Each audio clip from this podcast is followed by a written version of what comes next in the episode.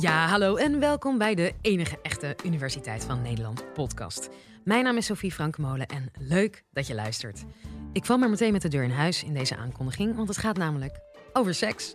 We zijn er gek op en we vinden het ook allemaal reuze interessant. En toch kan het ook lastig zijn. Stel dat je bijvoorbeeld geen erectie kan krijgen of dat seksen pijn doet. Gelukkig kan sekstherapie daarbij helpen, zelfs online. In dit college legt seksuoloog Jacques van Lankveld van de Open Universiteit het uit. Enjoy! Dit is de Universiteit van Nederland. Seks. Bijna iedereen heeft het. Niet alleen om je eventueel voor te planten, maar ook omdat het leuk, fijn is. Althans voor de meesten. Maar er kunnen ook problemen voorkomen in de slaapkamer, zoals het uitblijven van een erectie, pijn tijdens het vrijen, of dat de een wel en de ander geen zin in vrijen heeft. Dat soort problemen zijn vervelend, maar kunnen vaak wel opgelost worden. Een groot deel van de seksuele problemen heeft geen fysieke oorzaak, maar juist een mentale oorzaak. Bij het hebben van seks kan bijvoorbeeld angst of schaamte spelen. Misschien herken je dit zelf ook. Dat je met je partner in bed ligt, heel graag seks wilt hebben, maar zo gespannen bent dat het niet lukt. Bijvoorbeeld omdat je bang bent geen goede minnaar te zijn. Of dat hij jou naakt niet aantrekkelijk genoeg vindt. Het gekke is, bij seks is sprake van een soort ideale hoeveelheid spanning. Een beetje spanning is juist goed, misschien zelfs noodzakelijk, om opgewonden te kunnen worden. Spannend is leuk. Maar als de spanning te groot is, dan kan er angst ontstaan. En dan staat dat opwinding in de weg. Daardoor krijg je problemen met niet stijf worden van de penis of niet vochtig worden van de vagina. En dan is seks niet meer fijn. Ik onderzoek dit soort seksuele problemen en de behandelingen daarvan. Maar ik heb ook 30 jaar als seksoloog gewerkt. En ik heb heel wat mensen voorbij zien komen met dit soort klachten waar hun seksleven onder leed. Bijna altijd was er sprake van een onderliggende mentale of sociale oorzaak, zoals angst of depressie of een moeizame relatie. Ik wil jullie in dit college gaan vertellen over hoe we met sekstherapie zulke problemen proberen te verhelpen. Ik zal vooral ingaan op angst als oorzaak.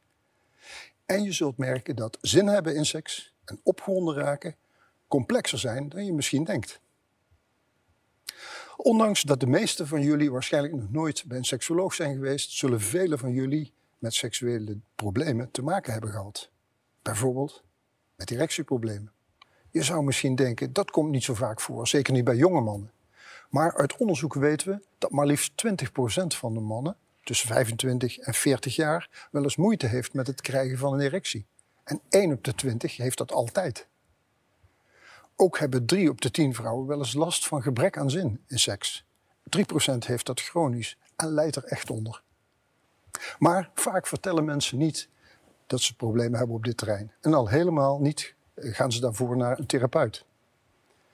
Goed seksueel functioneren, seksueel presteren, dat is immers een belangrijk deel van het leven voor veel mensen. En zeker als je op de relatiemarkt bent.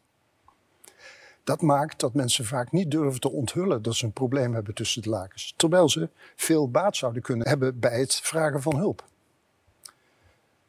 Sinds de jaren 70 van de vorige eeuw immers hebben we heel veel mensen geholpen met sekstherapie die draait om psychologische oefeningen en tips.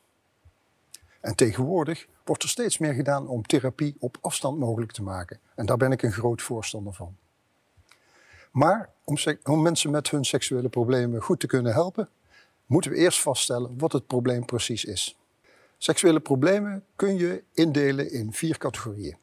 Geen zin in seks, wel zin, maar geen opwinding, problemen met het orgasme, met het klaarkomen, te snel, moeizaam of juist helemaal niet, en pijn bij seks.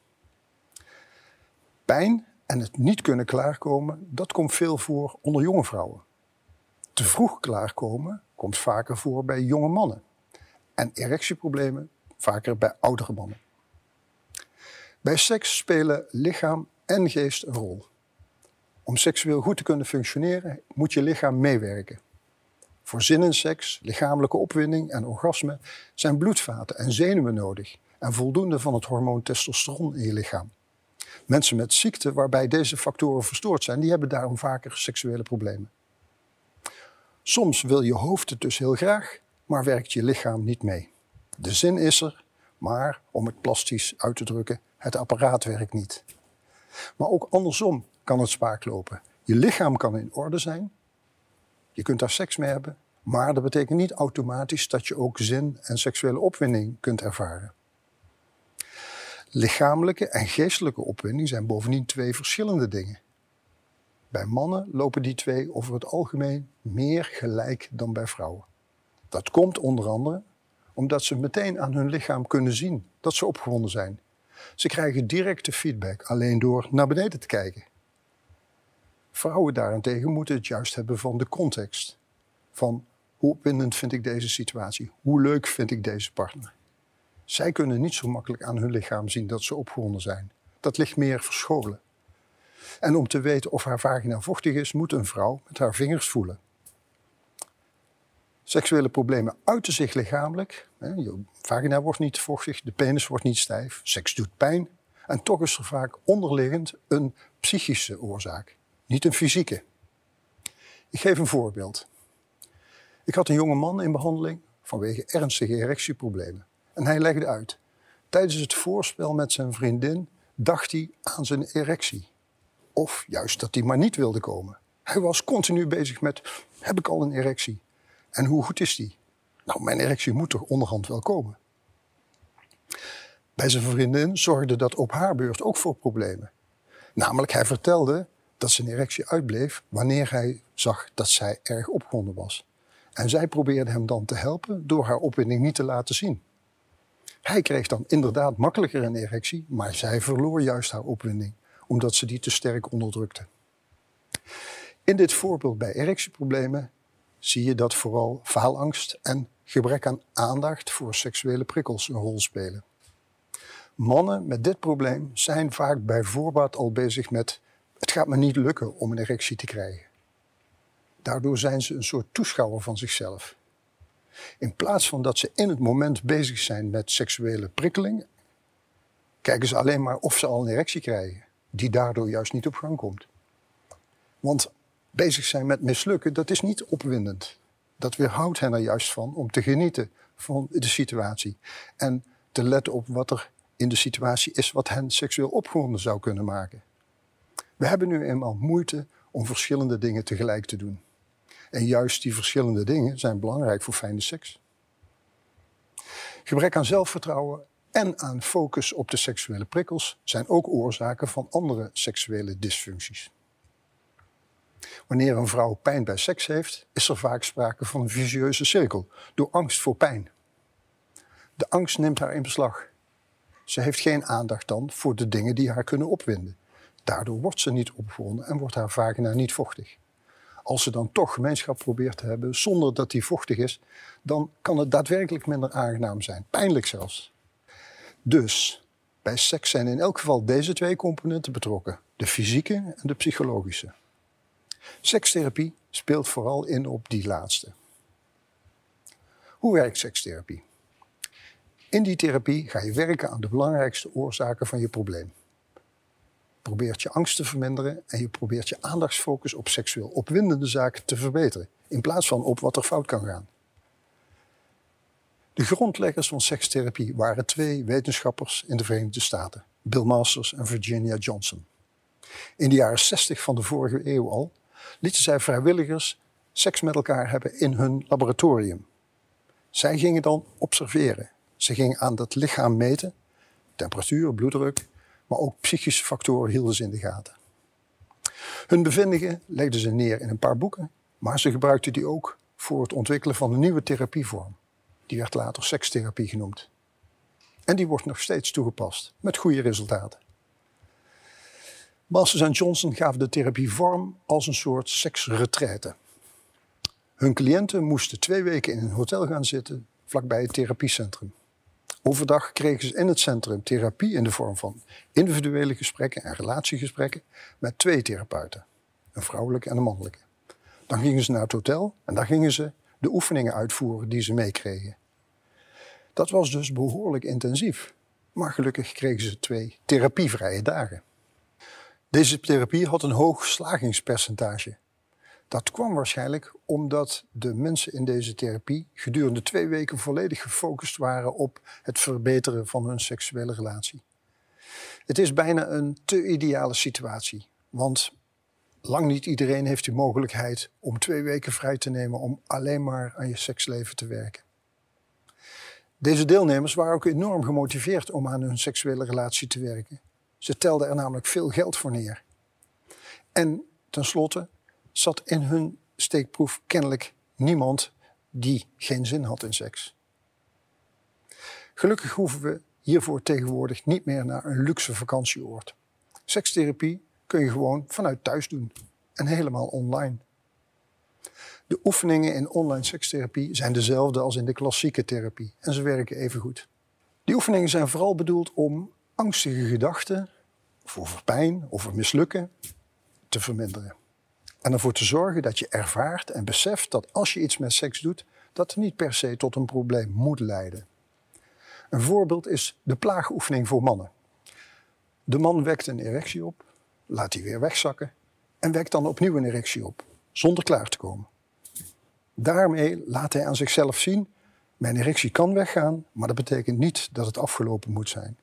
Het vermindert zijn faalangst en er ontstaat meer ruimte voor de leuke kanten van seks. Mijn jonge cliënt vond deze oefening het belangrijkste deel van de therapie. Hij was immers erg bang om zijn erectie te verliezen. En vooral dat hij daarna niet meer opnieuw een nieuwe erectie zou kunnen krijgen. Een ander belangrijk onderdeel van de therapie is het ervaren dat je kunt genieten van seks zonder gemeenschap. Dat is nodig om de prestatiedruk te verminderen. En dat wordt gedaan met zogenaamde streeloefeningen. Daarin ligt het focus helemaal op aanraking en intimiteit. Hoe gaat het in zijn werk? De partners spreken met elkaar af dat ze voor een bepaalde tijd geen gemeenschap meer zullen hebben. Dat noemen ze het coitusverbod. Maar ze gaan wel streeloefeningen doen, die ze langzaam opbouwen. Het begint met aanraken, eventueel met de kleren aan. Daarna zonder de kleren. Aanraken van geslachtsdelen. Daarna het stimuleren van geslachtsdelen. En aan het einde van de rit, na meerdere keren oefenen, kan het zijn dat er weer gemeenschap mogelijk is. Deze oefeningen zijn ook heel goed in te zetten als onderdeel van online therapie. En door de intimiteit stapsgewijs zo op te bouwen, met de nadruk op positieve ervaringen en niet op wat niet lukt. Want dat roept, zoals ik eerder heb gezegd, angst op. En zorgt ervoor dat je nergens anders meer van kunt genieten. Dus cruciale onderdelen van sekstherapie zijn het verminderen van angst, het verbeteren van je aandachtsfocus op seksuele prikkels en het realistischer maken van je verwachtingen. Deze onderdelen zijn net zo belangrijk in online therapie. Die cliënt kan dan vanuit thuis contact hebben met de therapeut via beeldbellen. Na afloop gaat hij aan de slag met oefeningen. De jonge man met erectieproblemen waar ik het over had, daarbij hebben we met beeldbellen gewerkt aan het verminderen van zijn storende gedachten. Gedachten als krijg ik wel een erectie en is die dan goed genoeg? Nou, ook het formuleren van helpende gedachten via beeldbellen lukte prima. Buiten dat beeldbellen om ging hij oefenen met het vasthouden van die nieuwe gedachten en het inslijpen. Het fijne van online hulp is dat het net zo goed werkt als therapie met face-to-face contact met een therapeut in een praktijkruimte. Maar online therapie heeft enkele grote voordelen. De drempel naar hulp kan lager worden, omdat de schaamte vermindert. En hopelijk wachten mensen daardoor minder lang met het aankaarten van hun problemen. Ook een voordeel is dat je online therapie lekker thuis kunt volgen. Als therapeuten zien we vaak mensen met therapie in hun spreekkamer dat ze het lastig vinden om de tips en de oefeningen mee te nemen naar de plek where the magic happens. En thuiskomen, dan zeggen ze tegen elkaar: wat zei mijn therapeut nou ook weer precies? Moesten we oefenen met uh, kleren uit en dan met kleren aan, of was dat omgekeerd? In online therapie oefen je in de omgeving waar je de therapie krijgt. Je kunt de oefeningen voorbereiden in de oefening in de omgeving waar je ze gaat uitvoeren. Bovendien kan het zijn dat we in online therapie minder terugval zullen zien dan in klassieke therapie toch nog regelmatig gebeurt. maar daarvoor is wel meer onderzoek nodig. Bij online therapie geldt meer dan ooit: het kan als je het echt wil. Motivatie is het allerbelangrijkste, want je moet helemaal op eigen kracht de oefeningen en alle lessen uit de therapie toepassen in je dagelijks leven. Om af te sluiten, je kunt met hulp van een seksuoloog via beeldbellen je seksleven verbeteren. Je leert om een focus te leggen op minder angst en meer aandacht voor seksuele prikkels. Plezier in de slaapkamer, dat zit niet alleen tussen je benen, maar vooral tussen je oren. Dat was Jacques van Langveld. Ik hoop dat je er wat van hebt opgestoken. En ken of ben jij nou ook een wetenschapper die je graag hier eens een keer zou horen? Tip ons dan. Stuur een mail naar podcast.universiteitvannederland.nl Volgende keer hebben we het over de wetenschap achter koud douchen of een lekker ijsbad. Tot dan!